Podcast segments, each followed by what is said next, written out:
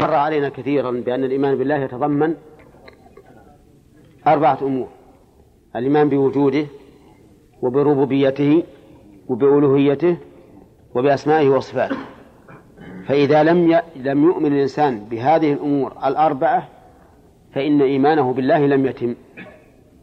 فالإيمان بالله يتضمن هذه الأمور الأربعة. من أنكر وجود الله فليس بمؤمن به. من أنكر ربوبيته ولو في بعض مخلوقاته فليس بمؤمن له به. من أنكر ألوهيته فليس بمؤمن به ومن أنكر أسماءه وصفاته فليس بمؤمن به. نعم. وتوحيد الله به أحد أقسام التوحيد؟ به وتوحيد الله به. وتوحيد الله به. توحيد الله به. وتوحيد الله به أحد أقسام التوحيد؟ به أي بالأسماء. والصفات. نعم. أحد أقسام التوحيد الثلاثة توحيد الربوبية وتوحيد الألوهية وتوحيد الأسماء والصفات. نعم. فمنزلته في الدين عالية وأهميته عظيمة ولا يمكن أحد أن يعبد الله على الوجه الأكمل حتى يكون على علم بأسماء الله تعالى وصفاته. ليعبد ليعبده على بصيرة. قال الله تعالى ولله الأسماء الحسنى فادعوه بها. وهذا يشمل دعاء المسألة ودعاء العبادة. نعم. دعاء المسألة أن تجعلها مقدم مقدمة بين يدي الدعاء. فتقول يا غفور اغفر لي ويا رحيم ارحمني ويا رزاق ارزقني. قالوا ومن الأدب أن تجعل الوسيلة لكل دعاء ما يناسبه من الأسماء. أن تجعل وسيلة في كل دعاء ما يناسبه من الأسماء. فإذا كنت تطلب الرزق تتوسل باسم الرزاق. إذا كنت تطلب المغفرة باسم الغفور. يعني فلا تقول اللهم يا شديد العقاب اغفر لي. هذا لا يناسب. وإنما تقول يا غفور اغفر لي. طيب. أما دعاء العبادة فكيف يكون بالأسماء؟ يكون بالأسماء لأنك إذا علمت أن الله غفور استغفرت الله. والاستغفار عبادة. إذا علمت أنه سميع أحجمت عن أن يسمع منك ما يغضبه وفعلت ما, ما إذا سمعه منك رضي عنك. وهذا عبادة. فيكون دعاء الله تعالى بأسمائه شاملا لدعاء المسألة ودعاء العبادة. فدعاء المسألة أن تتوسل بالأسماء بأسماء الله تعالى أن تتوسل بأسماء الله تعالى فيما تدعو الله به. ودعاء العبادة أن تتعبد لله بما تقتضيه هذه الأسماء. كذا فهد؟ ما هو دعاء المسألة؟ إيش؟ لا. ها. أن تتوسل الله في دعائك بهذه الأسماء. ها. ودعاء العبادة؟ تتعبد له بما تقتضيه هذه الأسماء. مفهوم يا جماعة؟ طيب. أن تقدم بين يدي مطلوبك من أسماء الله تعالى ما يكون آه موجودة هذه. نعم. مثل أن تقول يا غفور اغفر لي ويا رحيم ارحمني ويا حبيب احفظني ونحو ذلك. ودعاء العبادة أن قلنا ومن الأدب أن تتوسل ها؟ بكل لكل دعاء بما يناسبه من الأسماء. نعم. ودعاء العبادة أن تتعبد لله تعالى بمقتضى هذه الأسماء فتقوم فتقوم بالتوبة إليه لأنه التواب وتذكره بلسانك لأنه السميع وتتعبد له بجوارحك لأنه البصير. وتخشاه بالسر لأنه اللطيف الخبير وهكذا. ومن أجل منزلته من أجل ومن أجل منزلته منزلته. ومن أجل منزلته. هذه من أجل كلام الناس فيه بالحق تارة وبالباطل الناشئ عن الجهل أو التعصب تارة أخرى. أحببت أن أكتب فيه ما تيسر من القواعد راجيا من الله تعالى أن يجعل عملي خالصا لوجهه لوجهه موافقا لمرضاته نافعا لعباده وسميته القواعد المثلى في صفات الله تعالى وأسمائه الحسنى. قواعد في طيب آه هنا الخوض في باب الأسماء والصفات. تارة يكون بالحق وتارة يكون بالباطل. أما من قال فيه بالحق فمنشأ قوله هذا أنه يريد الحق. فيقول فيه بالحق. وأما من قال فيه بالباطل فمنشأ قوله واحد من أمرين إما الجهل وإما التعصب.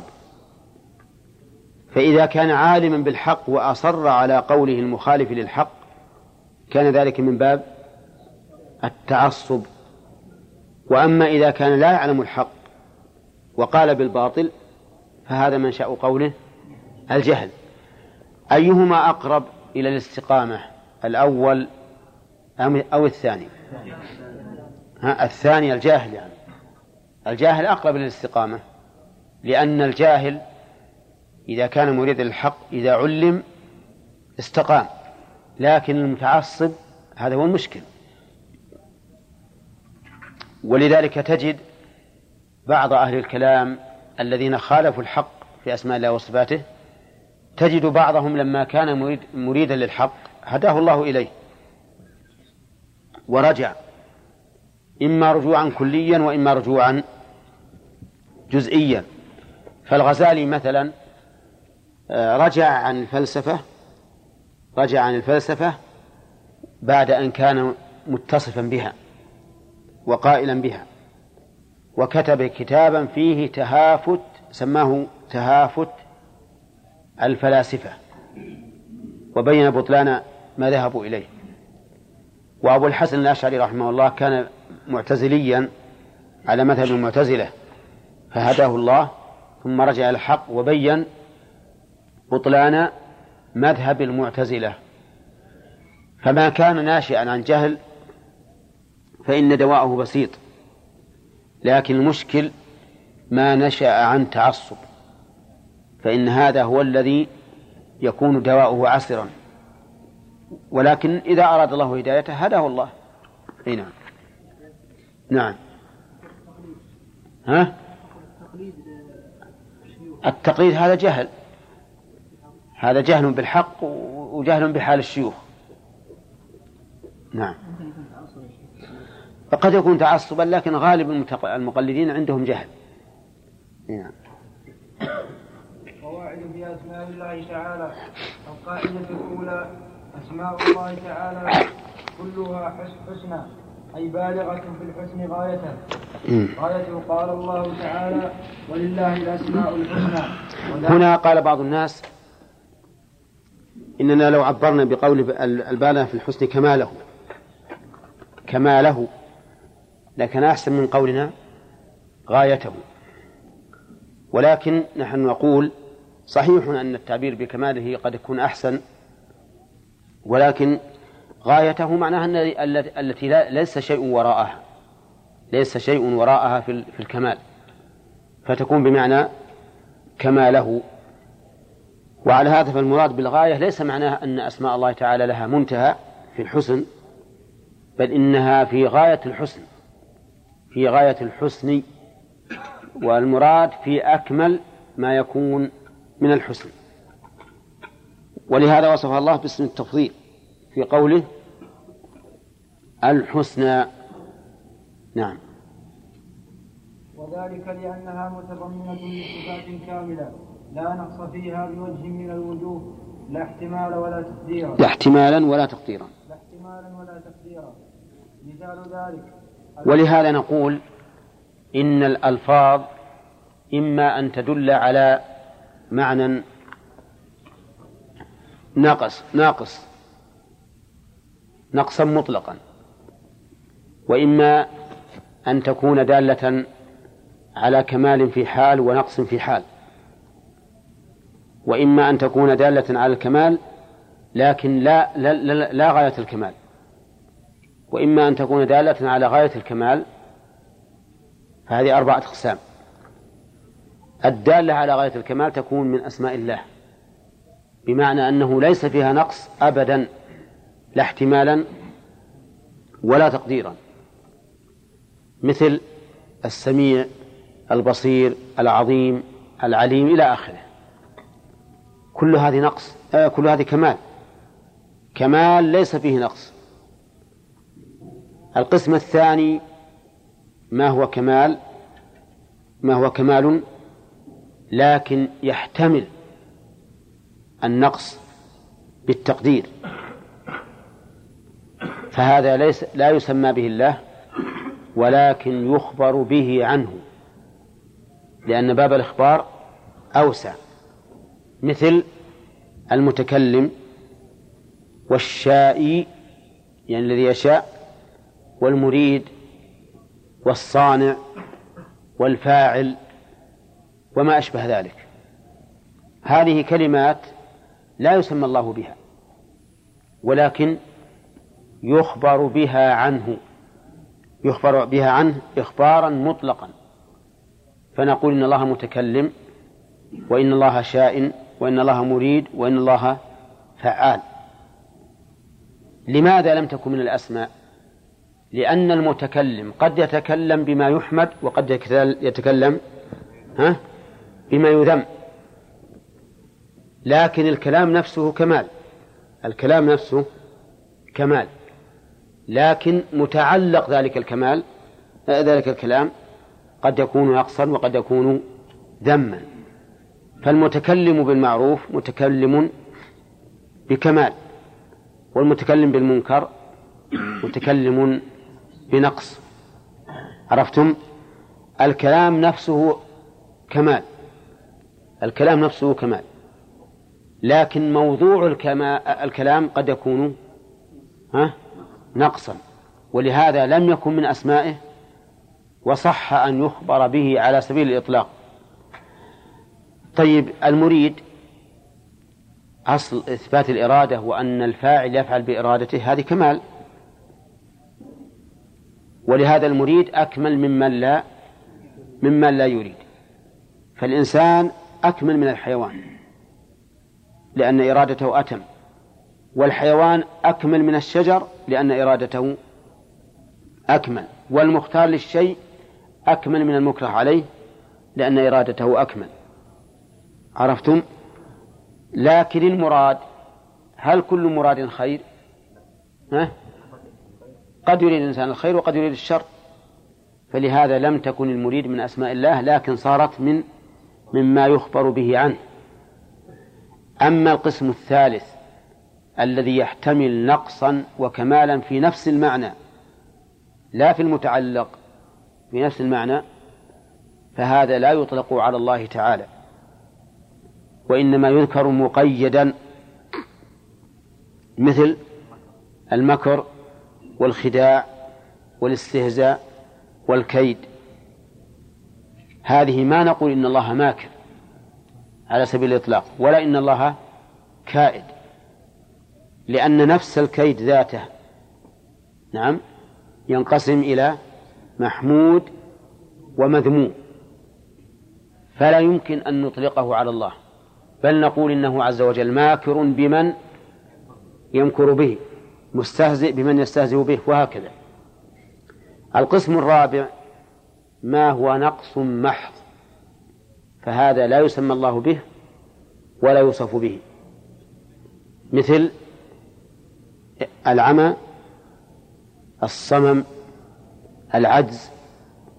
فلا يمكن أن تقول إن الله أعمى والعياذ بالله أو أنه أصم أو أنه عاجز مطلقا لا خبرا ولا ولا تسمية. نعم. فصارت الأقسام انتبهوا لها أربعة. كمال محض في ذاته وموضوعه فهذا يكون من من أسماء الله. كمال في ذاته لا في موضوعه بل ينقسم. فهذا يطلق عليه خبرا ولا يسمى به.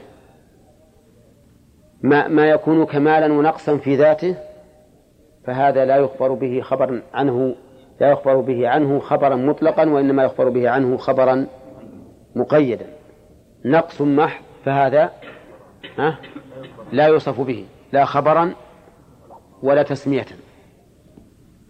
ولهذا جاءت الآية الكريمة ولله الأسماء الحسنى التي ليس فيها نقص بوجه من الوجوه. هذه الأقسام الأربعة ذكر شيخ الإسلام رحمه الله في مواضع متفرقة من كلامه وهي واضحة وصحيحة. نعم. مثال ذلك الحي اسم من اسماء الله تعالى متضمن للحياة للحياة الكاملة التي لم لم تسبق بعدم الزواج. الحياة المستلزمة لكمال الصفات من العلم والقدرة والسمع والبصر وغيرها. ومثال آخر العليم اسم من أسماء الله متضمن للعلم الكامل الذي لم يسبق بجهل ولا يلحقه نسيان قال الله تعالى علمها عند ربي في كتاب لا يضل ربي ولا ينسى. العلم الواسع المحيط بكل شيء جملة وتفصيلا سواء ما يتعلق بأفعاله أو أفعال أو أفعال خلقه. قال الله تعالى لا يعلمها إلا هو ويعلم ما في البر والبحر وما تسقط من ورقة إلا يعلمها ولا حبة في ظلمات الأرض ولا رطب ولا ولا رطب. ولا رطب ولا يابس إلا في كتاب مبين. وما من طيب في ظلمات الأرض. جمع ظلمة. وما الذي يمكن أن تكون أن يكون من الظلمات؟ بس. حبة مندفنة في قاع البحر. في ليلة ذات مطر وغيم كثيف. نعم. كم تكون الظلمات؟ أربع. خمس. ها؟ نشوف الآن. نبدأ. أولا الطبقة التي غطتها في الأرض. هذه واحدة. ثاني البحر الماء. ثالثا الليل. رابعا السحاب. خامسا المطر. كيف؟ لا لا السحاب اللي فوق لأنه ظلمة لو ما أمطر. والمطر ظلمة ثانية. ولذلك شف المطر إذا كان ينزل بينك وبين جبل أو بينك وبين بيت. يحول بينك وبينه ولا لا؟ ها؟ ما يحول؟ إذا إذا هو هو هو ظلمة. ها؟ لا هذا تبع مع البحر. هذا تبع مع البحر. إذا اللي اللي يمكننا الآن نعرف قد يكون هناك أشياء بعد ما نعرفها لكن اللي إحنا نعرف الآن خمس ظلمات. هذه الحبة الصغيرة التي قد لا تدركها العين المجردة إذا كانت في قاع البحر على الوجه الذي وصفنا فالله تبارك وتعالى يعلمها. وليس يعلمها فحسب بل هي في كتاب مبين. مكتوبة. وهذا دليل على عموم علم الله عز وجل وساعته وأنه لا يخفى عليه شيء في الأرض ولا في السماء. أنت إذا آمنت بهذا العلم فأعتقد أن إيمانك يردعك عن فعل ما يكرهه الله ويوجب لك أن تقوم بما إيش؟ بما يحبه. لأنه مهما كتمت في نفسك فالله عالمه. مهما كتمت. أنت إن كتمته عن الخلق ولم يعلموه فإن الله يعلمه. وثق بأنه إذا كان مما يكرهه فسوف يطلع عليه العباد. سواء أخبروك أم لم يخبروك. يعني الشيطان يأمرك بالفحشاء. فتفعل. سرا ما يعلمها إلا الله. فيلقي في قلوب الناس أنك فعلت ذلك. وهذه نقطة يجب أن تهتم بها. فتشعر إذا نظر الناس إليك تشعر كأنهم يؤنبونك. تشعر ذلك بنفسك وإن كان هم يعني ما يقول لك هذا الشيء لكن الشيطان يلقي في قلوبهم ذلك. فيسيئون الظن بك. فينقلب ذلك على نفسك حتى إنك تنظر إلى الناس وكأنما شاهدوا فعلك. وهذا شيء غريب. وعليه قال الشاعر إذا ساء فعل المرء ساءت ظنونه وصدق ما يعتاده من توهم. فهذه من من أسرار حكمة الله عز وجل أن ما يخفيه الإنسان في نفسه وإن كان لم يطلعه أحد فإن الله تعالى يعلم به. وإذا علم الله به أوشك أن يطلع عباده على ذلك. بل قد قال ابن القيم رحمه الله إن الشيطان نفسه الذي أمرك بالسوء يلقي في قلوب الناس أنك فعلت ذلك السوء وإن لم يطلعوا عليك. هذه مسألة توجب للإنسان أن يحترس غاية الاحتراس من الذنوب وإن خفيت. نعم. طيب. الله عز وجل يعلم كل شيء وما من دابة في الأرض من دابة في الأرض إلا على الله رزقها ويعلم مستقرها ومستودعها. وإيش؟ يعلم؟ يعلم مستقرها ومستودعها. كل في كتاب مبين. يعلم ما في السماوات والأرض ويعلم ما تسرون وما تعلنون. والله عليم بذات الصدور. ومثال ذلك الرحمن اسم من أسماء الله تعالى متضمن للرحمة الكاملة التي قال عنها رسول الله صلى الله عليه وسلم. لله أرحم بعباده من هذه بولدها. يعني أم صبي وجد وجد وجدته. وجدته بالسبي. فأخذته وألصقته ببطنها وأرضعته وأرضعته ومتضمن ومتضمن أيضا للرحمة الواسعة التي قال الله عنها ورحمتي وسعت كل شيء.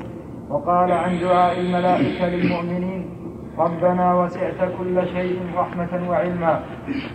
والحسن في أسماء الله تعالى يكون باعتبار كل اسم على انفراده ويكون باعتبار جمعه إلى غيره فيحصل بجمع الاسم إلى الآخر كمال كمال فوق كمال كمال فوق كمال. لا كمال. كمال فوق كمال. طيب انتبهوا لهذه النقطة. يعني أسماء الله تعالى كلها حسنى على انفرادها. وقد وقد ينضاف إلى هذا الحسن ال- الذي اكتسبه الاسم اكتسابا ذاتيا ينضاف إليه حسن آخر بانضمامه إلى غيره بانضمامه إلى غيره. فيكون من مجموع الأمرين كمال آخر. وهذا موجود في, في القرآن كثير دائما يقرن الله تعالى بين بين اسمين تجد أن في ضم أحدهما إلى الآخر كمالا لا يحصل بانفراد أحدهما عن الآخر. وأظن هذا ضربنا مثلا. مثاله مثال ذلك العزيز الحكيم. فإن الله تعالى يجمع بينهما في القرآن كثيرا فيكون كل منهما دال على دالا. دالا على الكمال الخاص الذي يقتضيه وهو العزة في العزيز. والحكم والحكمة في الحكيم والجمع بينهما دال على كمال والحكم والحكمة. والحكم والحكمة في الحكيم والجمع بينهما دال على كمال آخر. وهو أن عزة وهو أن عزته تعالى مقرونة بالحكمة. فعزته لا تقتضي ظلما وجورا وسوءا وسوءا وجورا. وجورا وسوء فعل. كما قد يكون من أع... من نعم. أعزاء المخلوقين. أعزاء المخلوقين فإن العزيز منهم قد تأخذه العزة بالإذن فيظلم ويجور ويسيء ويسيء التصرف. وكذلك حكمه حكمته حكمه تعالى وحكمته مقرونان بالعز الكامل بخلاف حك- حكم المخلوق وحكمته. وحكمته فإنهما وحكمته. وحكمته فإنهما يعتريهما الذل فهمتم الآن هذا؟ العزيز الحكيم. يقرن الله بينهما كثيرا. ليش؟ لأنه لأننا نستفيد من قرن العزيز بالحكيم فائدة عظيمة وهي أن عزته مقرونة بالحكمة. لأن العزة وحدها قد ينتج عنها سوء التصرف والظلم والجور. كما لو وجدنا ملكا عزيزا في ملكه لا يعارضه أحد. تجد هذا الملك إن لم يسعفه الله تعالى بالعناية تجده لكمال سلطانه وعزته يظلم ويجور ولا يبالي. ما عنده حكمة. كذلك أيضا من الناس من يكون حكيما لكن ليس عنده عزة وغلبة فيكون عنده حكمة يتصرف تصرفا حسنا طيبا ويضع كل شيء في موضعه لكن ما عنده تلك القوة التي ينفذ بها ما أراد. وما حكم؟ فالله عز وجل عزته مقرونة بالحكمة وحكمته مقرونة بالعزة. وباقتران الاسمين بعضهما إلى بعض يحصل كمال آخر وهو عزة في حكمة وحكمة في عزة. هنا القاعدة الثانية ما انتهى الوقت. اصبر شوي. نعم. القاعدة الثانية أسماء الله تعالى أعلام أعلام وأوصاف. أعلام باعتبار دلالتها على الذات وأوصاف باعتبار ما دلت عليه من المعاني. وهي بالاعتبار الأول مترادفة لدلالتها على مسمى واحد وهو الله عز وجل. وبالاعتبار الثاني متباينة لدلالة كل واحد منهما على معناه منها. منها الصواب منها.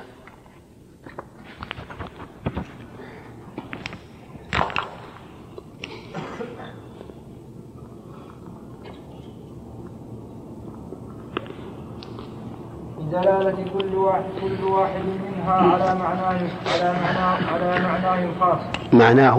على معناه الخاص الحي العليم القدير السميع البصير الرحمن الرحيم العزيز الحكيم. كلها أسماء لمسمى واحد وهو الله سبحانه وتعالى. أنت قلت في الحي ولا في الحي لا فالحي. لأن في فيها ياء. هذه ما فيها ياء. فالحي الحي العليم القدير السميع البصير الرحمن الرحيم العزيز الحكيم. كلها أسماء لمسمى واحد. وهو الله سبحانه وتعالى.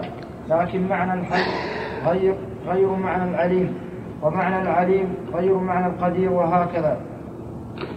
طيب الآن هذا القاعدة هذه فيها مبحثان. المبحث الأول أن أسماء الله أعلام وأوصاف. فهي, فهي باعتبار دلالتها على الذات أعلام وباعتبار دلالتها على المعاني أوصاف. مثال ذلك السميع.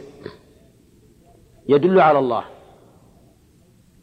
يكون بهذا بهذا الاعتبار على من لأن ابن مالك يقول اسم يعين المسمى مطلقا علمه فتكون علما باعتبار أن السميع متضمن للسمع وأنه يسمع عز وجل كل صوت تكون صفة.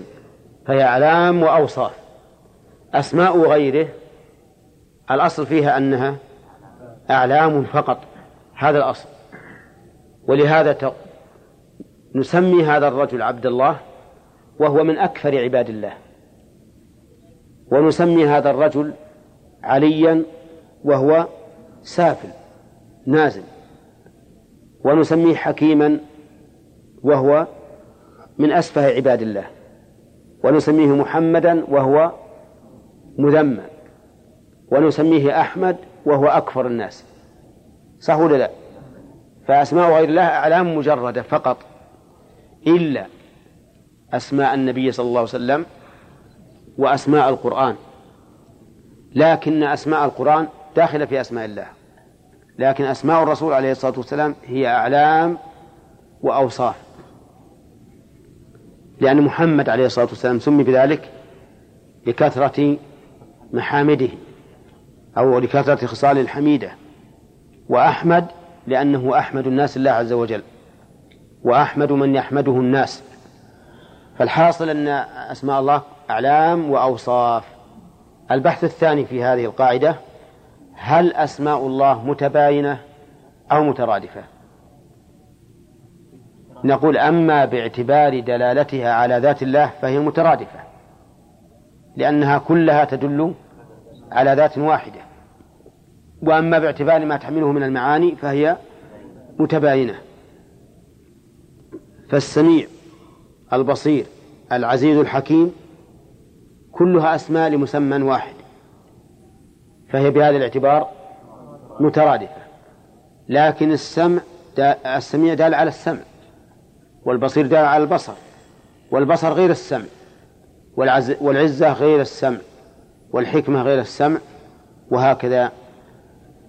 و واعلم أن الكلمتين إما أن تكونا مترادفتين أو متباينتين أو مشتركتين أو بينهما نسبة عموم وخصوص. المتباينتان هي أن تدل كل واحدة على معنى لا يتفق مع الأخرى. مثل قمح وبر. لا قمح ورز. مثل قمح ورز. الرز غير القمح. ولا لا؟ هل يدخل فيه في عموم أو خصوص؟ لا. طيب وقد تكون الكلمتان مترادفتين لترادفهما على معنى واحد. كما يترادف الشيء بعضه على بعض. مثل قمح وبر. لا الشعير غير. قمح وبر وحنطة هذه مترادفة. وبشر وإنسان ها؟ لا مخلوق خطأ. أعوذ بالله مخلوق؟ هذا يدخل حتى السماوات والأرض. طيب بشر وإنسان. وقد تكون الكلمتان مشتركتين. يعني لا الكلمة مشتركة بمعنى أن كلمة واحدة تدل على معاني متعددة عكس المترادف. ها؟ لا. مثل عين. لا عين. هذه مشتركة بين العين الباصرة والعين الماء الجارية والذهب. والجاسوس. نعم. إلا أن الجاسوس بعضهم يقول مجاز مو حقيقة. هذه نسميها مشترك لأن لأن المعاني اشتركت في لفظ واحد. فيه نسبة العموم والخصوص بأن تكون إحدى الكلمتين أخص من الأخرى. مثل إنسان وحيوان. إنسان وحيوان. آه نسمي الإنسان إنسانا هذا خاص. حيوان عام يشمل الإنسان وغيره. لكن هنك تقول للعام يا حيوان ناطق. لو تقول يا حيوان ناطق نطب حلقي. نعم؟ لأنه يرون الحيوان الناطق هو الحمير الحمار مثلا. لكن لو تقول له الفلاسفة يقولون إن الإنسان حيوان ناطق. وأن كلمة حيوان جنس وناطق فصل قال راح أنت والفلاسفة ما عندي لكم سنة. نعم. هل يجوز الإنسان أن تخاطب عاميا فتقول يا حيوان ناطق؟ ها؟ السبب؟ لأنه يراه شتما. يراه شتما. لكن تجي طالب علم فتقول ما الإنسان؟ فيقول لك حيوان ناطق. أنا عندي بعد لو لو قلنا غير هذا الإنسان هو البشر. ها؟ ها؟ أنت عامي؟ طيب. والله. بسم الله الرحمن الرحيم. قبل أن نبدأ بالدرس كما قلنا بأنها أعلام وأوصاف في دلالة القرآن عليه كما في قوله تعالى وهو الغفور الرحيم وقوله وربك الغفور ذو الرحمة. فإن الآية الثانية دلت على أن الرحيم هو المتصف بالرحمة. ولإجماع أهل اللغة والعرف أنه لا يقال عليم إلا لمن له علم ولا سميع إلا لمن له سمع ولا بصير إلا لمن له بصر. وهذا أمر أبين من أن يحتاج إلى دليل. وبهذا علم ضلال من سلف فهمتم الآن هذه؟ إذا إذا قال قائل ما الدليل على أنها علام وأوصاف؟ قلنا الدليل من القرآن ومن اللغة. القرآن قال الله تعالى وربك الغفور ذو الرحمة. الرحمة صفة. إذن الرحيم معناه ذو الرحمة. ولأن أهل اللغة والعرف أجمعوا على أنه لا يوصف بالمشتق إلا من إلا من اتصف بمعناه. فلا يقال سميع للأصم ولا بصير للأعمى ولا عاقل للمجنون بل لا بد أن تكون هذه الأوصاف دالة على معانيها في من نسبت إليه وهو أمر أعرف أو أبين من أن يحتاج إلى شرح. نعم.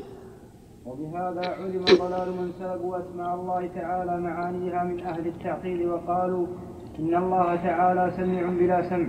وبصير بلا بصر وعزيز بلا عزة وهكذا. وعللوا ذلك بأن ثبوت الصفات يستلزم تعدد القدماء.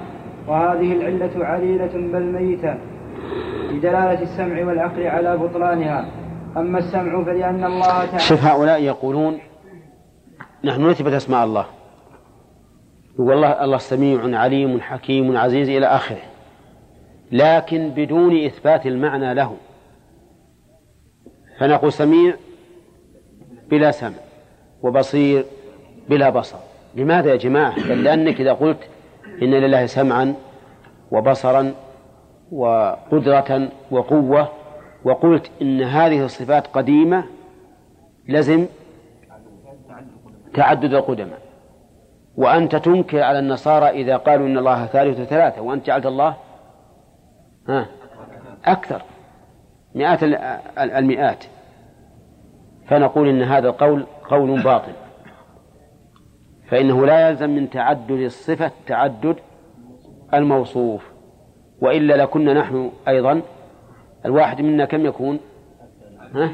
كثير بحسب صفاته. أي نعم. أما السمع فلأن الله تعالى وصف نفسه بأوصاف كثيرة مع أنه الواحد الأحد. فقال تعالى إن بطش ربك لشديد إنه هو يبدئ ويعيد وهو الغفور الودود ذو العرش المجيد فعال لما يريد. وقال تعالى سبح اسم ربك الأعلى الذي خلق فسوى والذي قدر فهدى والذي أخرج المرعى فجعله غثاء أحوى. ففي هذه الآيات الكريمة أوصاف كثيرة لموصوف واحد ولم يلزم من ثبوتها تعدد القدماء. وأما العقل فلأن الصفات ليست ذوات الصفات. فلأن الصفات ليست ذوات بائنة من الموصوف. حتى يلزم من ثبوتها التعدد. يلزم. حتى يلزم من ثبوتها التعدد. وإنما هي من صفات وإنما هي من صفات من اتصف بها فهي قائمة به. وكل موجود فلا بد له من تعدد صفاته. فهي ففيه صفة الوجود وكون وكونه واجب الوجود. أو ممكن الوجود وكونه عينا قائما بنفسه أو وصفا في غيره. وبهذا أيضا علم أن وهذا وهذا لازم لهم. كل موجود لا بد لهم لا بد من تعدد صفاته. فنقول لهم هل تثبتون أن الله موجود؟ سيقولون ها؟ نعم نثبت ذلك. يقول كل موجود لا بد أن تتعدد صفاته. ضروري. فمثلا الموجود فيه صفة الوجود. أولى وفيه أيضا أن وجوده إما ممكن وإما واجب. وهذه الصفة الثانية فوجودنا نحن من باب الممكن ووجود الله من باب الواجب.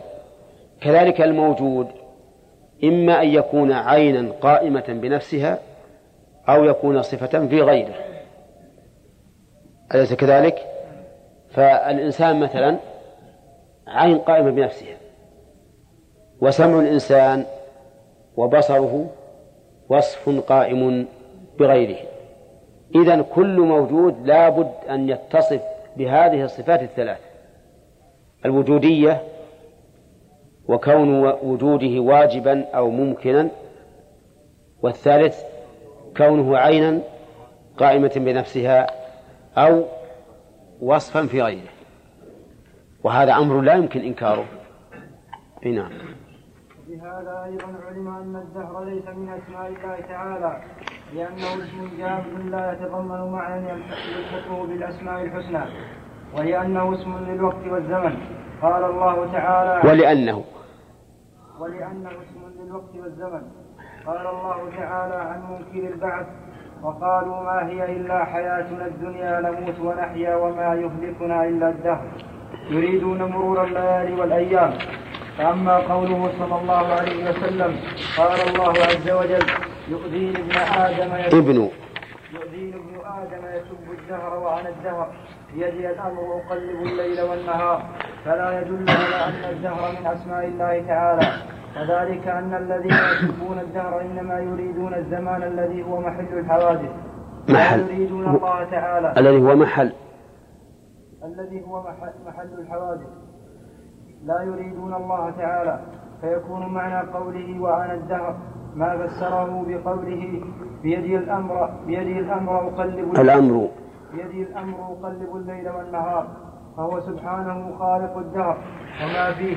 وقد بين أنه يقلب الليل والنهار وهما الدهر. ولا يمكن أن يكون المقلب بكسر اللام هو المقلب بفتحها. وبهذا تبين أنه يمتنع أن يكون الدهر في هذا الدهر. أن يكون الدهر في هذا الحديث مرادا به الله تعالى. صح. خلافا لابن حزم وطائفة من العلماء الذين قالوا إن من أسماء الله الدهر. لماذا؟ لأن الدهر اسم جامد بمعنى الوقت والزمن. والله عز وجل يقول ولله الأسماء الحسنى.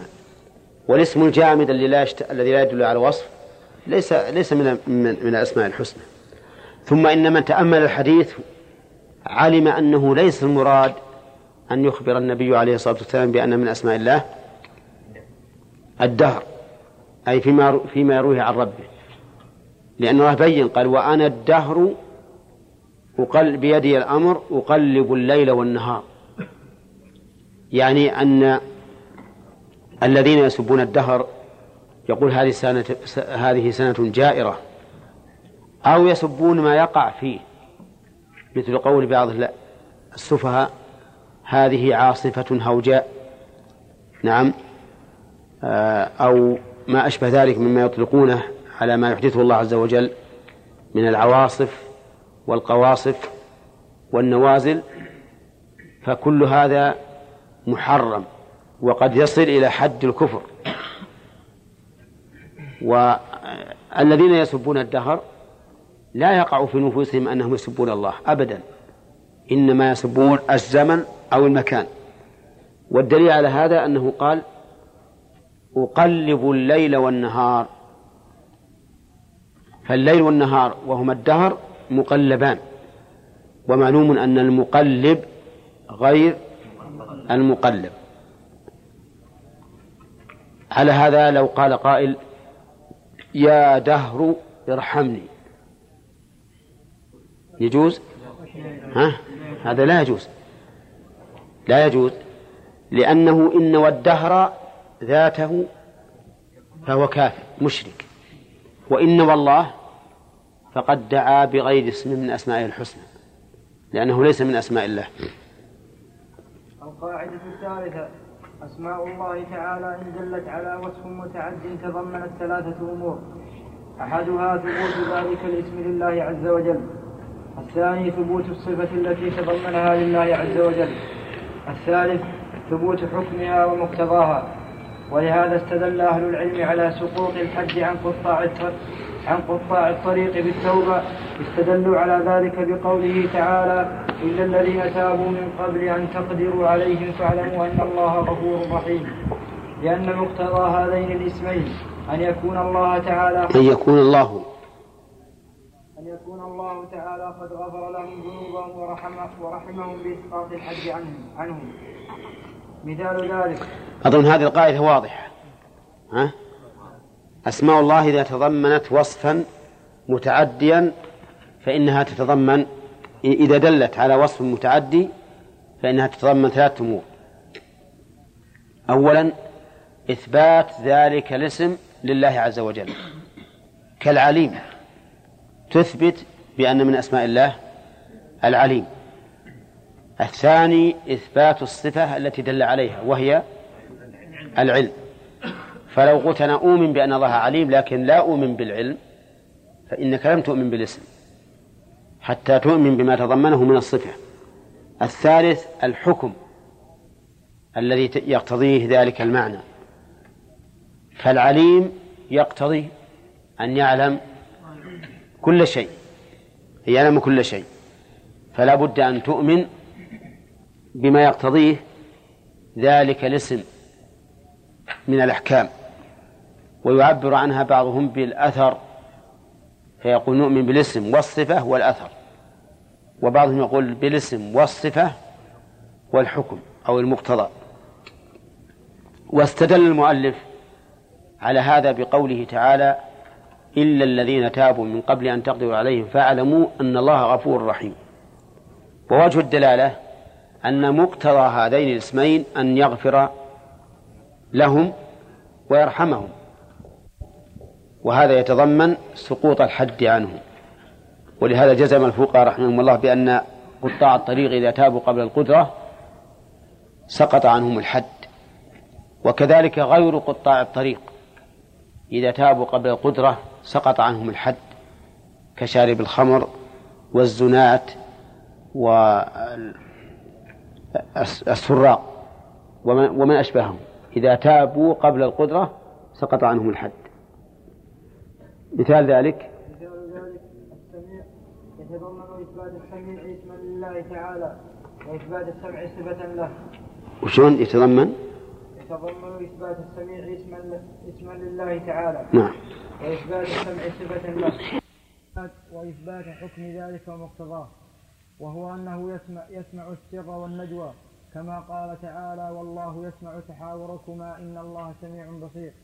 وإن دلت على وصف غير غير متعد الآيات في هذا كثيرة أيضا مثل لقد سمع الله قول الذين قالوا إن الله فقير ونحن غنيان أم يحسبون أنا لا نسمع سرهم ونجواهم؟ وله أمثلة كلها تدل على ثبوت حكم ذلك الاسم وهو السمع الذي به يسمع. نعم. وإن دلت على وصف غير متعد تضمنت أمرين أحدهما ثبوت ذلك الاسم لله عز وجل الثاني ثبوت الصفة التي تضمنها لله عز وجل. مثال ذلك الحي يتضمن إثبات الحي اسما لله عز وجل وإثبات الحياة صفة له. ما لها حكم يتعدى؟ لا لأن الحي وصف لازم لا يتعدى إلى الغير. ومثله الحيي. فإنه وصف لازم ومثله العظيم ومثله الجليل. طيب ومثله الكريم؟ ليش؟ لأن الكرم يتعدى يتعدى إلى الغير إي نعم. بينهم فرق كيف؟ الفرق الحي مع الحي ذو الحياة. والحي ذو الحياء. نعم. هذا الفرق بينهم نعم. ها؟ هل هناك اسم الجليل؟ إيش؟ هل الله اسمه الجليل؟ سيأتينا شرح في الأسماء الحسنى العظيم موجود إيه نشوف بالأسماء الحسنى هل يأتي ولا لا؟ القاعدة الرابعة نعم دلالة أسماء الله تعالى على ذاته وصفاته تكون بالمطابقة وبالتضمن وبالالتزام مثال ذلك طيب هذه القاعدة لا تختص بالأسماء في الواقع كل لفظ فإنه يدل على المعنى بالمطابقة والتضمن والالتزام. كل لفظ. ولهذا نقول أنواع الدلالات ثلاثة. دلالة التضمن والمطابقة والالتزام. فدلالة المطابقة هو أن يدل اللفظ على جميع أجزاء معناه وأفراده. فدلالة المطابقة هو دلالة اللفظ على جميع معناه ودلالة التضمن دلالته على جزء معناه ودلالة الالتزام دلالته على لازم خارج على لازم خارج. مثال ذلك السيارة. كلمة السيارة يدل على ها؟ لا يا أخي. يدل على كل السيارة كلها. هيكلها وكفراتها وماكينتها وأنابيبها وكل شيء. أولى يدل على العجلات فقط؟ ها؟ بالتضمن. يدل على آه، البطارية؟ بالتضمن يا أخي. ما هو بالالتزام طيب آه، يدل على الشخصين بالتضمن. زين. يدل على الذي صنعها ها؟ بالالتزام. أن لها صانع لأنها لم تصنع نفسها. المطابقة على كل السيارة. يعني دلالة كلمة السيارة على هذا الجسم كله. عجلاته وأنابيبه وغير ذلك هذا من باب المطابقة. طيب إذا قلت اشتريت دارا دلالة هذه الكلمة على كل الدار مطابقة ودلالتها على الحمام والقهوة والمستراح ها؟ تضمن. ودلالتها على الذي بناه بالالتزام. أي نعم. طيب. مثال ذلك الخالق يدل على ذات الله وعلى صفة الخلق بالمطابقة ويدل على الذات وحدها وعلى صفة الخلق وحدها بالتضمن ويدل على صفتي العلم والقدرة بالالتزام. ولهذا لما ذكر الله خلق السماوات والأرض انتبه. الخالق يدل على ذات وصفة. يدل على ذات الله وعلى صفة الخلق. دلالته على هذين المعنيين بماذا؟ بالمطابقة. ودلالته على الذات وحدها وعلى الخلق وحده بالتضمن. بالتضمن أيضا. طيب دلالته على العلم والقدرة بالالتزام. كيف ذلك؟ نقول الخالق ما يمكن يخلق إلا وهو عالم كيف يخلق. والخالق أيضا لا يمكن يخلق إلا وهو قادر. لو أراد أحد أن يخلق شيئا يصنع أن يصنع شيئا وهو لا يدري يمكن ولا لا؟ طيب يدري لكن ما عنده قدرة. يمكن؟ إذن كل صانع أو كلمة صانع تدل على ذات صانعة وعلى صنع وعلى علم وقدرة. فدلالتها على على ذات خالقة وعلى صنع جميعا. طيب وعلى ذات صانعة وحدها. وعلى صنع وحده تضمن. وعلى علم وقدرة التزام. هنا نعم. ما نصبر شوي؟ نعم. لهذا لما ذكر الله خلق السماوات والأرض قال لتعلموا أن الله على كل شيء قدير وأن الله قد أحاط بكل شيء علما. ودلالة الالتزام مفيدة. شوف لما ذكر الله خلق السماوات والأرض فقال الله الذي خلق سبع سماوات ومن الأرض مثلهن يتنزل الأمر بينهن. قال لتعلموا يعني بينا لكم ذلك وأننا خالقون للسماوات والأرض لتعلموا أن الله على كل شيء قدير وأن الله قد أحاط بكل شيء علما. ولولا قدرته ما صار ما صار خلق. ولا ولولا علمه ما صار خلق. كلام مشرف ها؟ نعم. ودلالة الالتزام مفيدة جدا لطالب العلم. إذا تدبر المعنى ووفقه الله تعالى فعلا للالتزام. فهما للتلازم فهما للتلازم. فإنه بذلك يحصل من الدليل الواحد على مسائل كثيرة. واعلم أن اللازم مثلا لو قال قائل هل يجوز للرجل أن يصبح صائما جنبا؟ وش الدليل؟ ها؟ بدو... لا من القرآن. من القرآن. لا.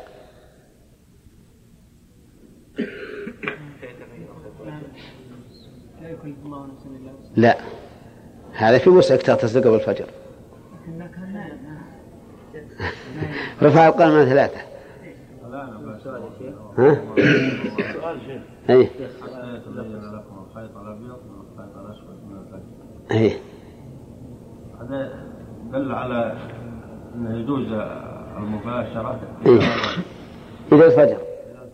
ومن لازم ذلك يصبح وهو جنوب هذه إذن دلالة الآية على جواز إصباح الصائم جنوبا من أي طريق من أي طرق الدلالة؟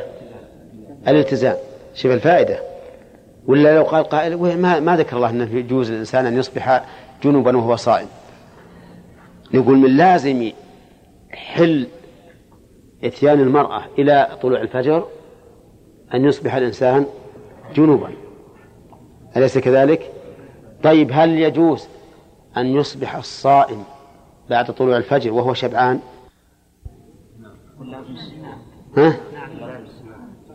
لا ما هو لازم الصوم آه. لأنه إذا جاز إذا جاز الأكل إلى إلى طلوع الفجر ها فله أن يشبع أي نعم طيب واعلم أن اللازم من قول الله تعالى وقول رسوله صلى الله عليه وسلم إذا صح أن يكون لازما فهو حق. ذلك لأن كلام الله ورسوله حق ولازم الحق حق. ولأن الله تعالى عالم بما يكون لازم. بما يكون لازما. بما يكون لازما من كلامه وكلام رسوله فيكون مرادا. طيب انتبه. هذه أيضا قاعدة مهمة. اللازم من كلام الله إذا صح أن يكون لازما فهو حق. إذا صح أن يكون لازما فهو حق. فإن لم يصح أن يكون لازما فليس بحق. مثال ذلك الذي لا يصح أن يكون لازما قول أهل التعطيل إنه يلزم من إثبات الصفات إثبات التمثيل. لو لزم من إثبات الصفات إثبات التمثيل وجب علينا إنكار الصف... إنكار الصفات ولا لا؟ لأن التمثيل يجب إنكاره ولكن لكننا نقول لا يلزم من إثبات الصفات إثبات التمثيل مفهوم؟ لو قال قائل يلزم من قولكم إن الله استوى بذاته على العرش أن يكون لله ذاتا تستوي على العرش وتنزل إلى السماء الدنيا. وما أشبه ذلك. وش نقول؟ نقول هذا لازم حق ولا غير حق؟ هذا لازم حق. ولا مانع من أن نثبت لله ذاتا لا تشبه الذوات. وحينئذ يكون هذا اللازم حقا. فالحاصل أن اللازم من كلام الله وكلام رسوله حق. متى؟ إذا صح أن يكون لازما. أما أن ندعي أنه لازم وليس بلازم فهذا طبعا دعوة تحتاج إلى دليل. فإذا صح فإنه حق. لماذا؟ عللنا بتعليلين. التعليل الأول أن كلام الله ورسوله حق. ولازم الحق. حق. الثاني أن الله عز وجل يعلم ما لا يترتب على كلامه وكلام رسوله. يعلم ذلك. فإذا كان يعلم ذلك وكان هذا الشيء لازما لكلامه علمنا أنه مراد لله. علمنا أنه مراد لله عز وجل.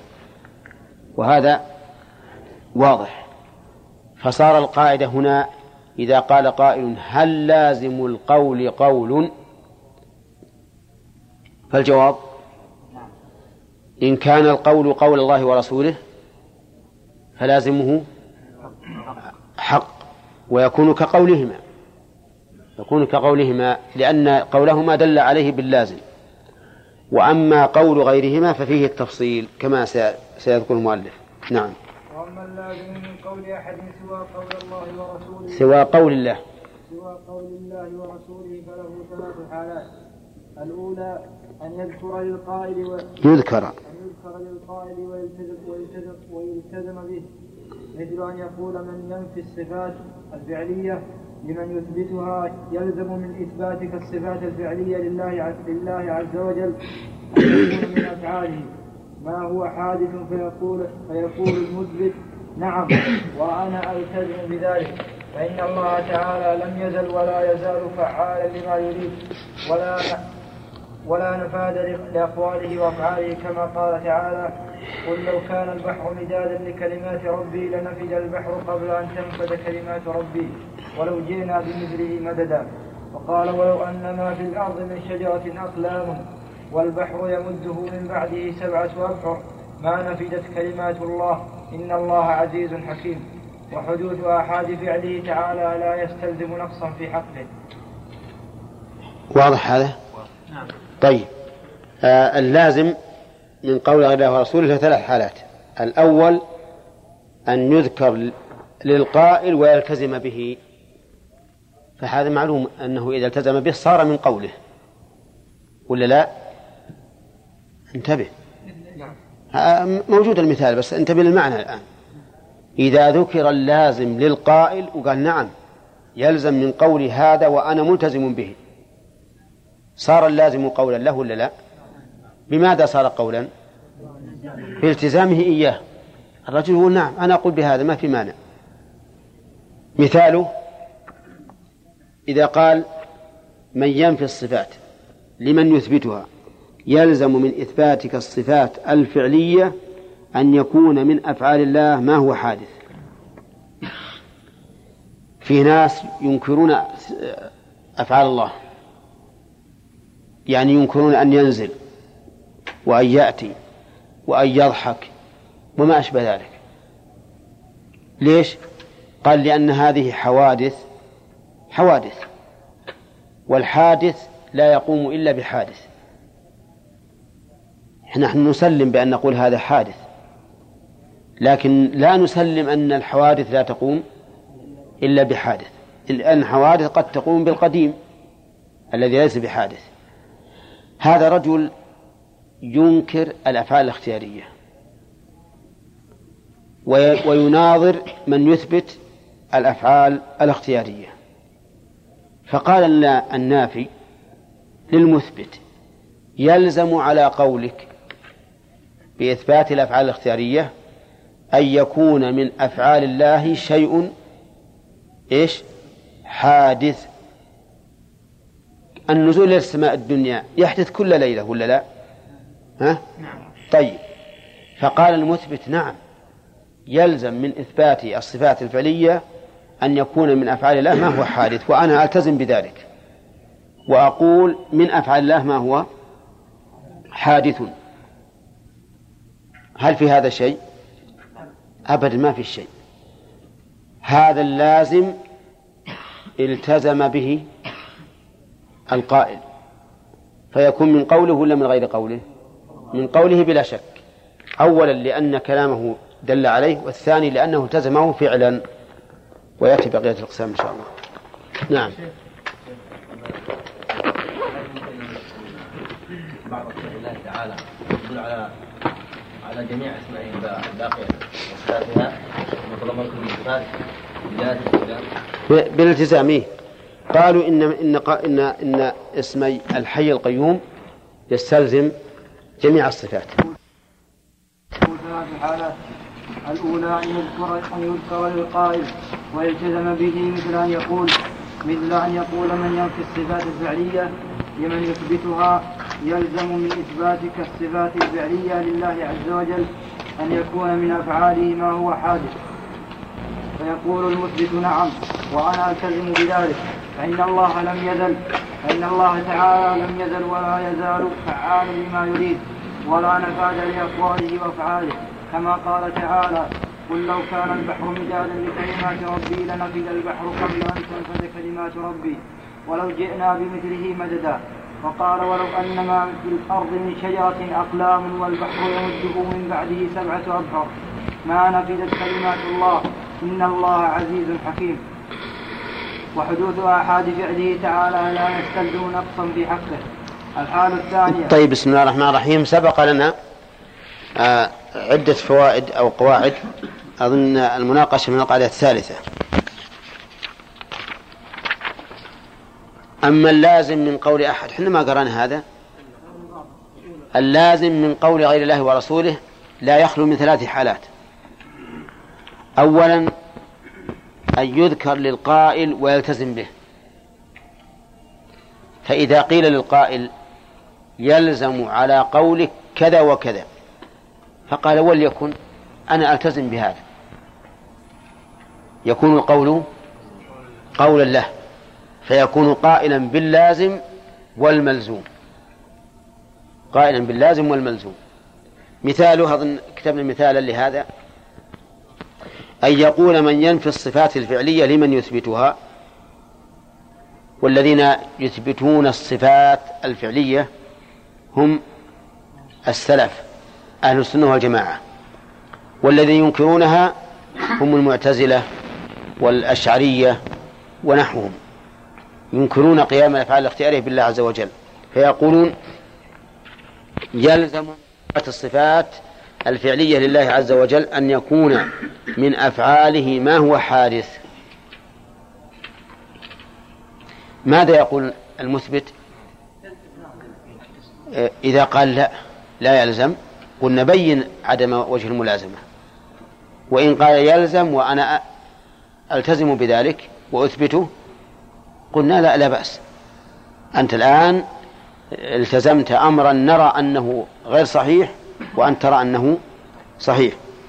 طيب مثاله فيقول نعم أي يقول مثبت نعم وأنا ألتزم بذلك فإن الله تعالى لم يزل ولا يزال فعالا لما يريد ولا نفاد لأقواله وأفعاله كما قال الله تعالى قل لو كان البحر مدادا لكلمات ربي لنفد البحر قبل أن تنفد كلمات ربي ولو جئنا بمثله مددا وقال تعالى ولو أن ما في الأرض من شجرة أقلام والبحر يمده من بعده سبعة أبحر ما نفدت كلمات الله إن الله عزيز حكيم. وحدوث آحاد فعله فعله تعالى لا يستلزم نقصا في حقه. حطوا بالكم يا جماعة. حدوث أفعاله آحاد الأفعال لا يستلزم نقصا. بل هو بل هو في الحقيقة كمال. لأن كونه يفعل ما يريد متى شاء لا شك أن هذا كمال.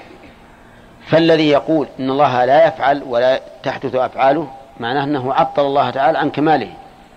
أما الذي يقول إن أفعاله تحدث فهذا هو الذي وصف الله بالكمال.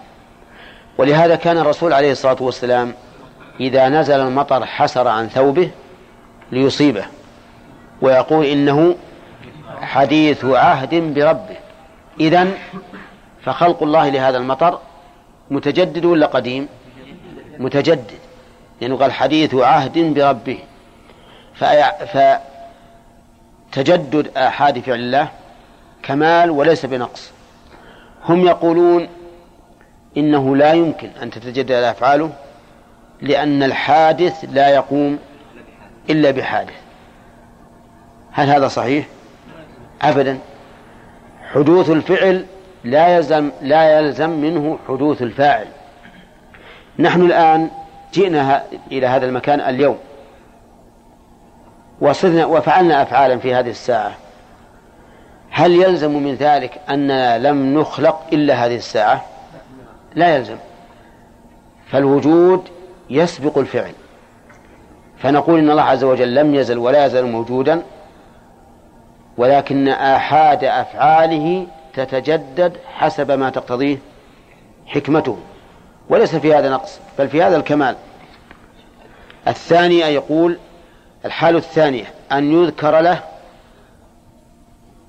نائب فاعل يذكر اللازم. له أي للقائل. ويمنع التلازم بينه وبين قوله مثل أن يقول النافي للصفات لمن يثبتها يلزم من إثباتك يعني للصفات أن يكون الله تعالى مشابها للخلق في صفاته. هنا ينبغي أن نقول مماثلا. وأنا كتبت هذه الرسالة قبل أن يتبين لي الفرق بين مشابه ومماثل. وقد ذكرنا أن الأولى التعبير بنفي المماثلة. لماذا؟ لسببين. الأول أنه هو اللفظ الذي عبر الله به. فلا تجد في القرآن أن الله نفى المشابهة أبدا. وإنما كان ينفي المماثلة لأنها هي التي تقتضي المساواة. ثانيا أن التشبيه صار اسما عند قوم من الناس اسما ينفي به كل ما ثبت لله من صفات ويقول هذا تشبيه حتى وإن كانت المشابهة في مطلق المعنى.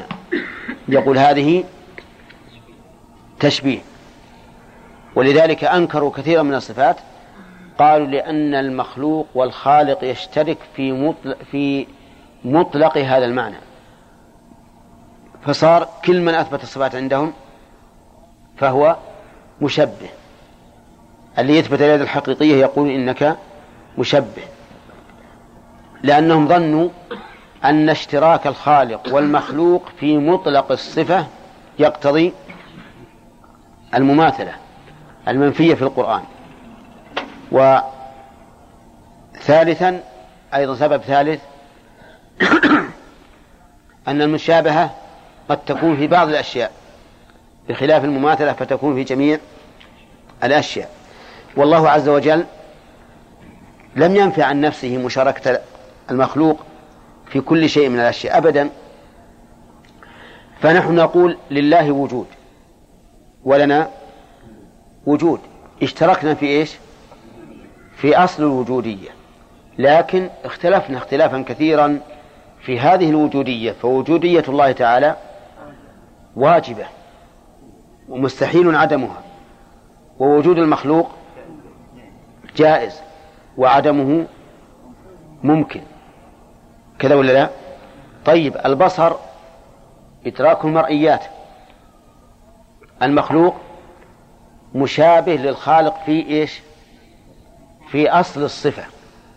في أصل الصفة. لكنه مباين له في حقيقة الصفة. فإن إيش؟ رؤية المخلوق ليست كرؤية الخالق. وهكذا السمع والبصر والرحمة وغيرها.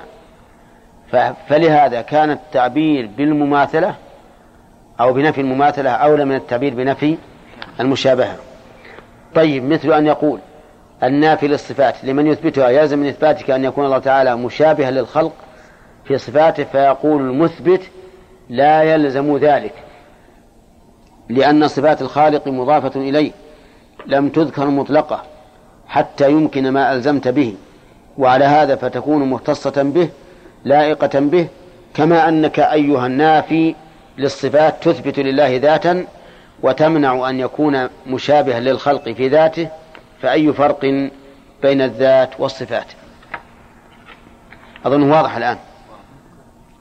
صار المثبت للصفات إذا ادعى عليه النافي أن إثباته يستلزم التمثيل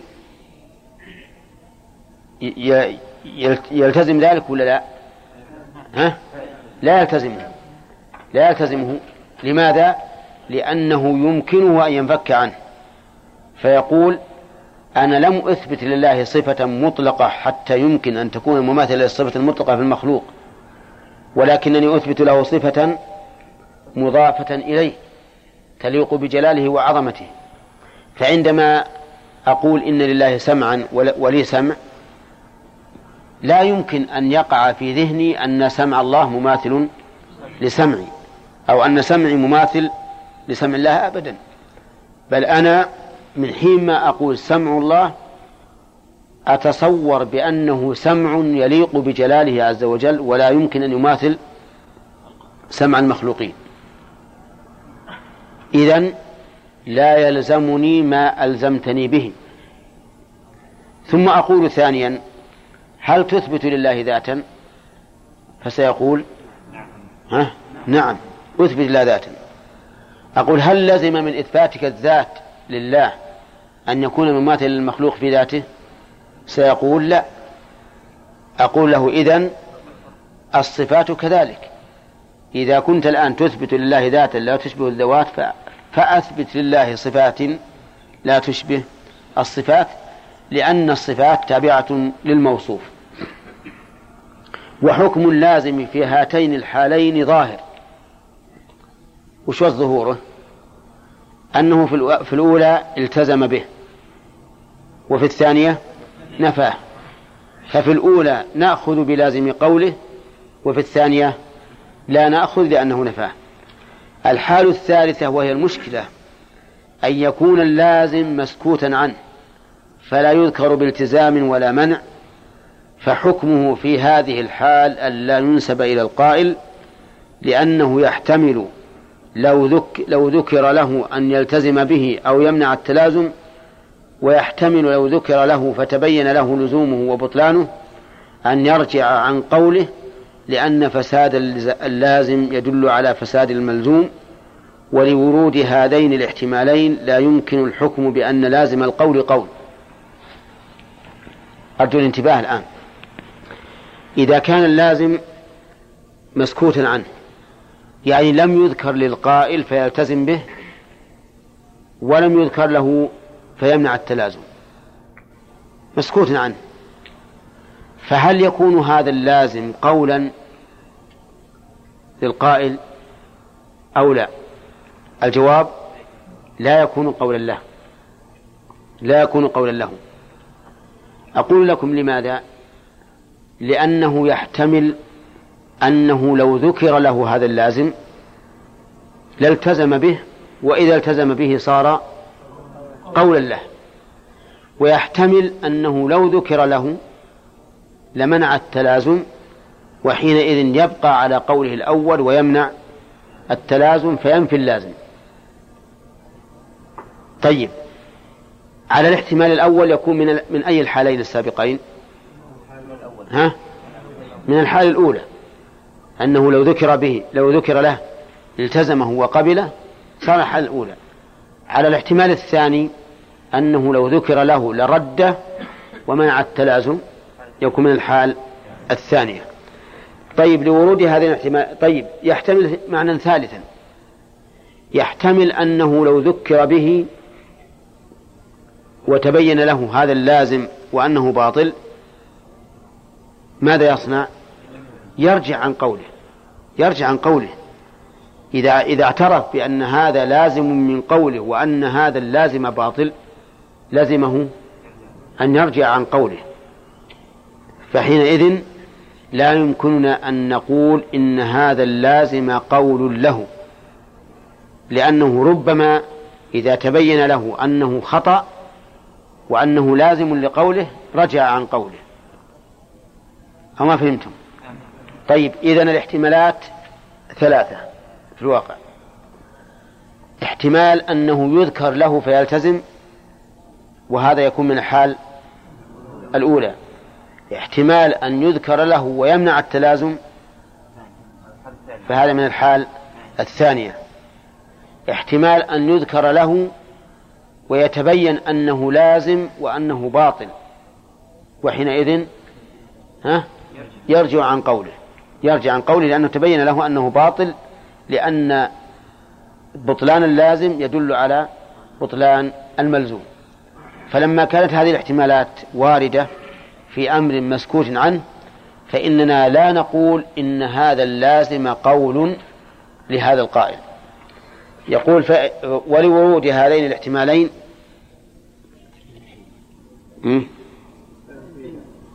طيب.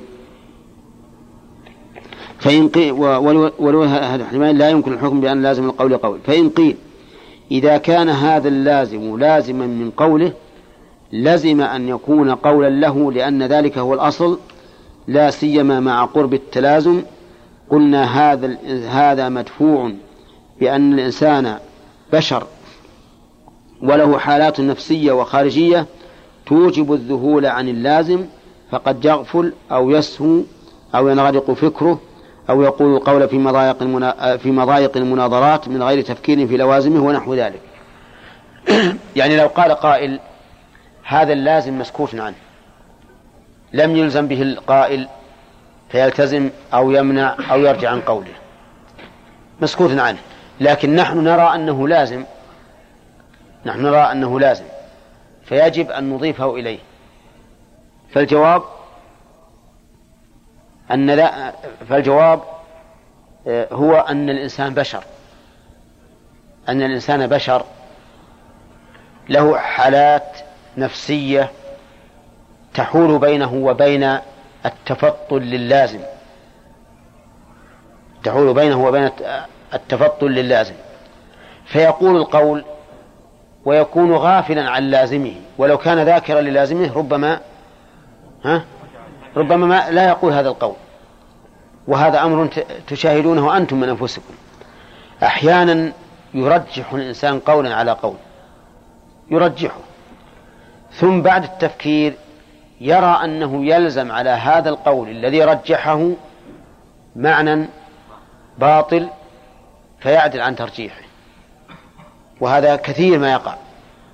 ولذلك ينبغي للإنسان كما قلنا سابقا أنه ينبغي له أن لا يخالف الجمهور إلا إذا علم أن قولهم ليس بصواب. لأن الغالب أن أن الحق مع الجمهور. كذلك قلنا فيما سبق إذا وردت أحاديث صحيحة كالجبال تعتبر أصولا في قواعد الإسلام فإنه لا يعدل عنها إلى أحاديث أحادية قد تكون شاذة عند التأمل فيها حتى يتبين أن هذه الآحادية صحيحة لا بد من القول بها. لأن مخالفة الأصول التي تعتبر قواعد في الإسلام أمر عظيم. لا ينبغي للإنسان أن يشذ عنه إلا إذا تيقن.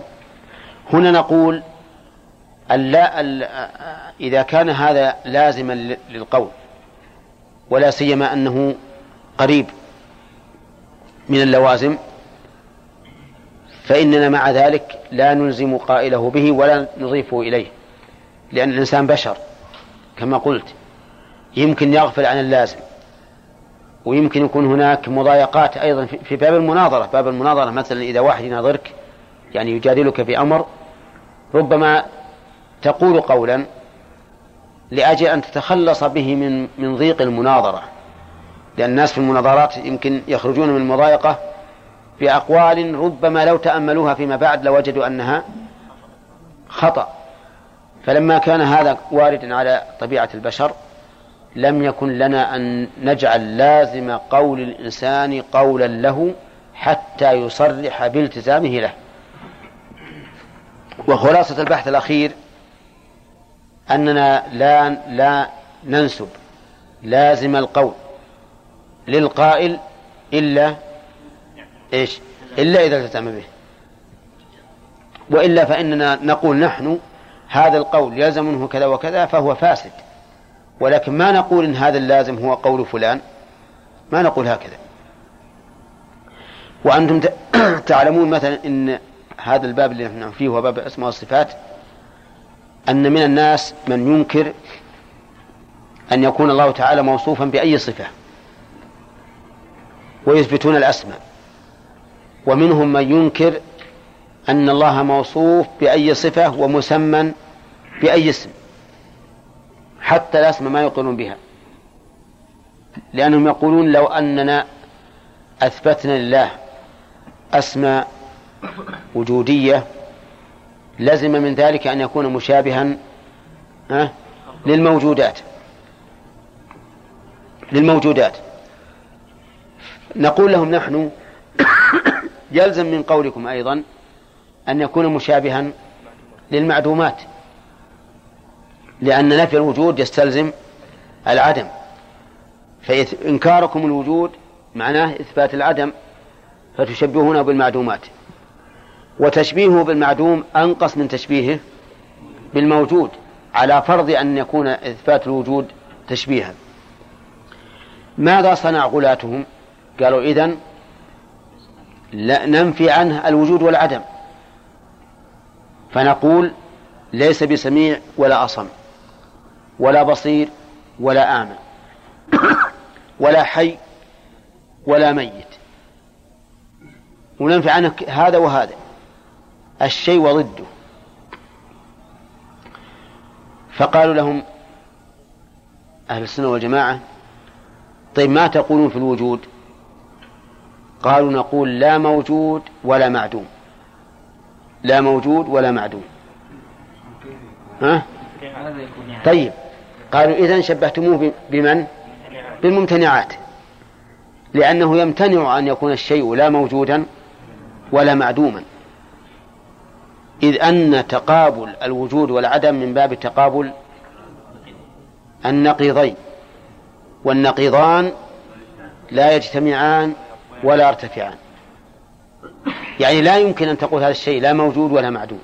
هو إما موجود وإما معدوم. ربما نقبل منك أن تقول لا حي ولا ميت بناء على اصطلاحك أن الحياة والموت إنما يوصف بها من له شعور وإحساس وأن الجدار يمكن نقول لا حي ولا ميت. على بناء على على فهمك وإلا فإن الجمادات قد توصف بانها حيه وميته. فالذين يعبدون الأشجار والأحجار يقال لهم إنهم يعبدون أمواتا غير أحياء كما قال في القرآن. والحاصل أن نقول إن هؤلاء الذين قالوا إنه يلزم من كذا كذا وكذا وأوغلوا في هذا في هذا في هذا اللازم وصلوا إلى حد وصفوا الله تعالى فيه بالأشياء إيش؟ الممتنعة. طيب ما رأيكم بالحركة والسكون؟ تقابله من باب تقابل؟ ها؟ النقيضين والضدين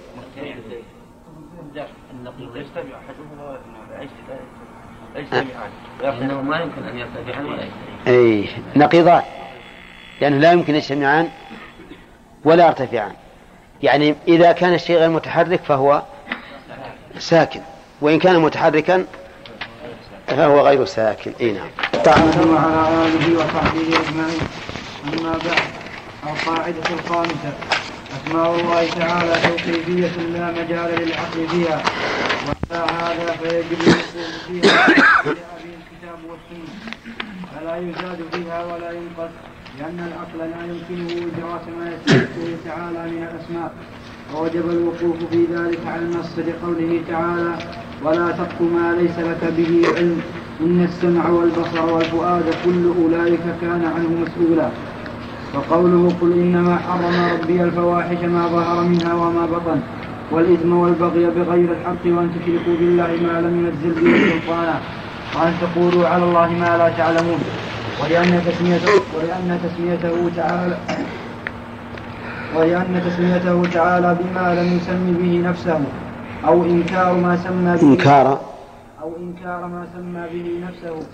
جناية في حقه تعالى ووجب سلوك الأدب في ذلك والاقتصار على ما جاء به النص. طيب.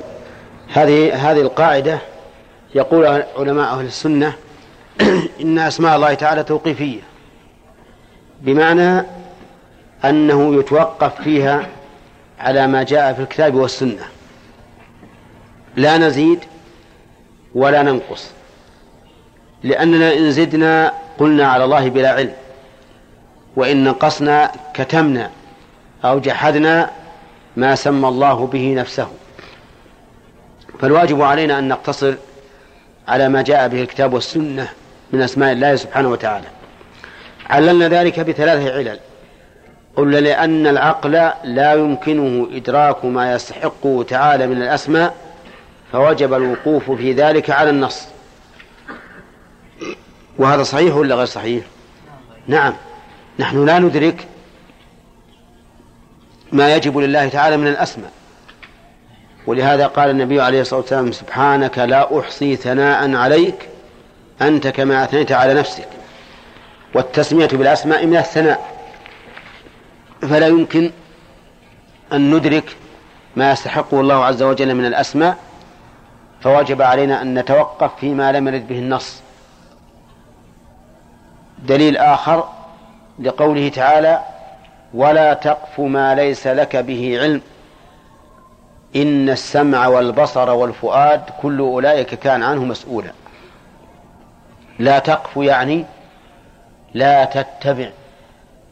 يقال قفاه يقفوه إذا جاء على أثره أو على إثره.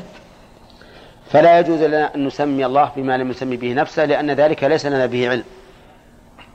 وقال عز وجل قل إنما حرم ربي الفواحش ما ظهر منها وما بطن والإثم والبغي بغير الحق وأن تشركوا بالله ما لم ينزل به سلطانا وأن تقولوا على الله ما لا تعلمون. الشاهد قوله وأن تقولوا على الله ما لا تعلمون. الثالث ولأن تسميته بما لم يسم به نفسه أو إنكار ما سمى به نفسه جناية في حقه تعالى. صح. تسميته بما لم يسم به نفسه جناية عليه. جناية في حقه. أرأيت لو أن شخصا سماك بغير ما تسميت به؟ هل يعتبر هل يعتبر جانيا عليك؟ نعم لأنه ليس له حق التسمية. أنا سماني مثل أبي محمد. ما يجوز واحد يقول لا أنت أبى أسميك علي. نعم سماك أبوك سليمان. وقال واحد لا أنا بسميك سليم. يملك هذا ولا ما يملك؟ لا يملك. التسمية حقها لمن له الحق أن يسمي. فالله عز وجل له الحق أن يسمي نفسه بما شاء. أما نحن فليس, لنا فليس من حقنا أن نسمي الله بما لم يسمي به نفسه لأن ذلك جناية في حقه تعالى. كذلك إنكار ما سمى به نفسه جناية عليه. جناية في حقه أن يسمي نفسه بأسماء ثم تقول لا أنا لا أسميه بها. إذ أن الواجب عليك أن تسمي الله بما سمى به نفسه. فصار تسمية الله بما لم يسمي به نفسه صار سوء أدب مع الله وإنكار ما سمى به نفسه كذلك سوء أدب مع الله. فالواجب علينا سلوك الأدب معه سبحانه وتعالى. نعم. القاعدة السادسة. أسماء الله تعالى غير محصورة بعدد معين. لقوله صلى الله عليه وسلم في الحديث المشهور أسأل أسألك بكل اسم هو لك سميت به نفسك أو أنزلته في كتابك أو علمته أحدا من خلقك أو استأثرت به في علم الغيب عندك. الحديث رواه أحمد